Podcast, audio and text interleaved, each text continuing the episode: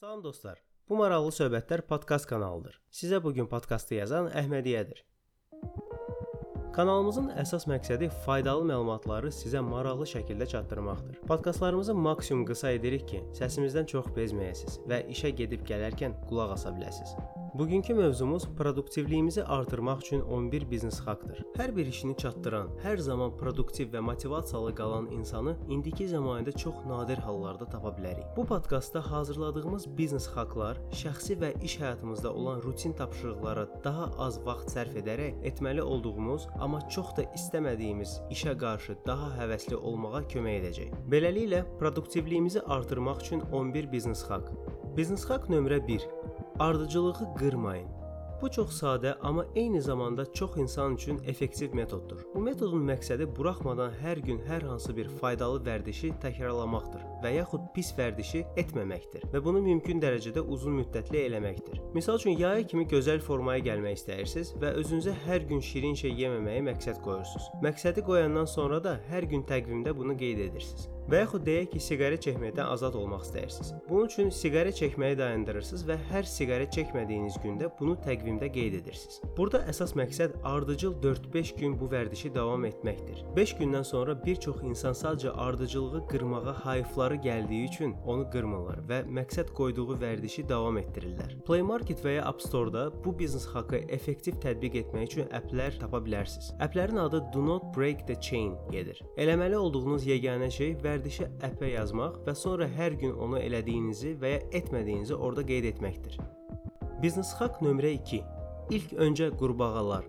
İşdə çoxumuzun bir siyahı tapşırığı olur və əlbəttə hər birimiz onu effektiv şəkildə gün sonunda bitirmək istəyirik. Bunu etmək üçün tapşırıqları başlayanda səhər ilk iş olaraq çətin tapşırıqlardan, yəni qurbağalardan başlamalıyıq. Araşdırmalar göstərir ki, insanlar səhərlər daha çox fokuslu olurlar və işlərini buna görə daha tez bitirirlər. Bu səbəbdən məsləhətlidir ki, bu qurbağaları elə səhərə salasınız. Səhər onları birinci bitirsəz, bu sizə rahatlıq hissi verəcək. Motivasiyanız və özünüzə olan əminliyiniz çox artacaq və beləliklə digər tapşırıqları daha tez bitirmiş olacaqsınız. Bunu etməsəz, onlar qurbağa kimi beyninizdə oppanacaq və bütün fikrinizi yayındırıb produktivliyinizi aşağı salacaq. Biznes haqq nömrə 3. Sabahın prioriteti.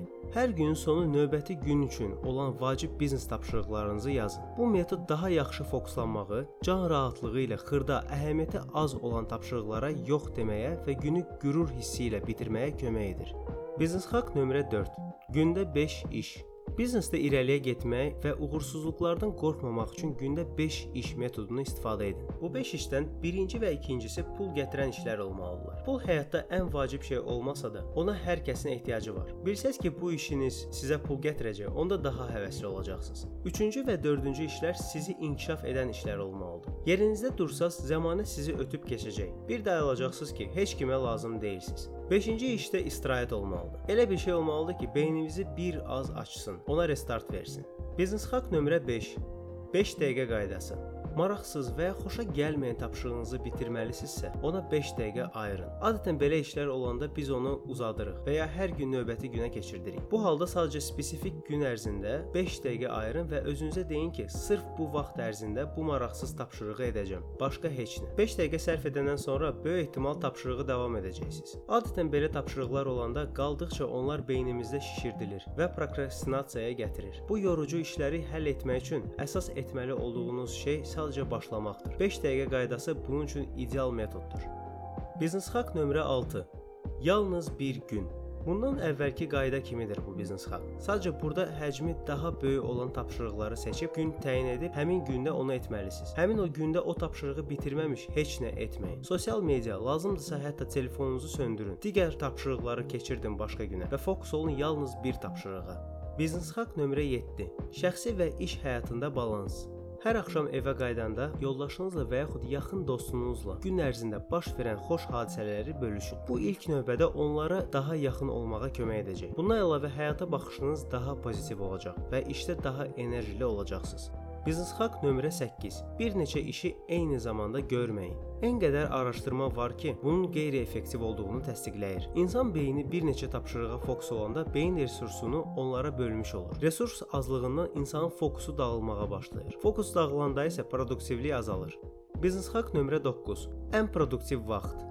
Mütləq özünüzü analiz edib yoxlayın ki, günün hansı vaxtında daha produktiv olursunuz. Bunu etmək üçün 1-2 həftə ərzində səhər tezdən günorta, axşam və gecə işləməyi test edin. Adətən çox insanda enerji düşkünlüyü nahardan sonra baş verir. Bu vaxtda əla olardı ki, 15 dəqiqəlik başınızı qoyub yatasınız. Produktivliyin pik nöqtəsi əsasən ya səhər, ya da axşam olur. Ən produktiv vaxtınızı elektron ünvanınıza və yaxud digər az əhəmiyyəti olan tapşırıqlara sərf etməyin. Bu vaxtı diqqət və enerji tələb edən işlərə saxlayın. Ən az produktiv olan vaxtlara isə ən sadə primitiv işləri salın. Psixologiya üzrə professor Dan Ariely'nin araşdırmasına görə insanların 40%-ında produktiv vaxt səhər 9-dan günorta 12-yə kimidir. 20%-da isə səhər saat 6-dan səhər saat 9-a kimidir. Çoxluq belə olsa da siz yenə də öz vaxtınızı analiz edin. Bəlkə sizdə bu fərqli vaxtdadır. Hack nömrə 10.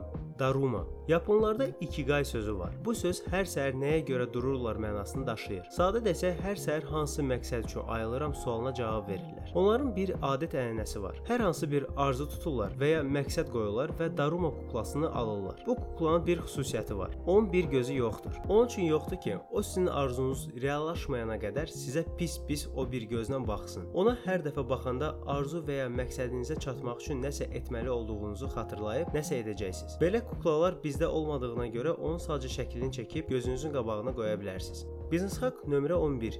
Şuurlu dəqiqə. Özünüzə gün ərzində bir neçə dəfə xatırlatma siqnalı qoyun. Siqnal səslənəndə hər şeyi dayandırıb düşünün ki, nə dərəcədə effektiv işləyirsiniz. Özünüzü necə hiss edirsiniz? Daha yaxşı nəticə göstərmək üçün nə edə bilərsiniz? Çox vaxt başımız işə elə qarışır ki, indiki zamanla yaşamağı unuduruq. Bu da fokusumuza neqativ şəkildə təsir edir. Xatırlatma siqnalını hər saat birini və ya gün ərzində 3 dəfə qoya bilərsiniz. Bu tam olaraq sizdən asılıdır. Belə dostlar, bu produktivliyimizi artırmaq üçün 11 biznes hack podkastı idi. Əlbəttə hər biznes hack hər birimizdə effektiv olmaya bilər, amma gərək bunları test edəsiniz. Test edəndən sonra yaxşı effektini gördünüzsə, onu bizimlə mütləq paylaşın. Sizə kömək ola bildiksə, buna çox sevinərik. Podkastı dinlədiyiniz üçün təşəkkürlər. Növbəti podkastda görüşənədək.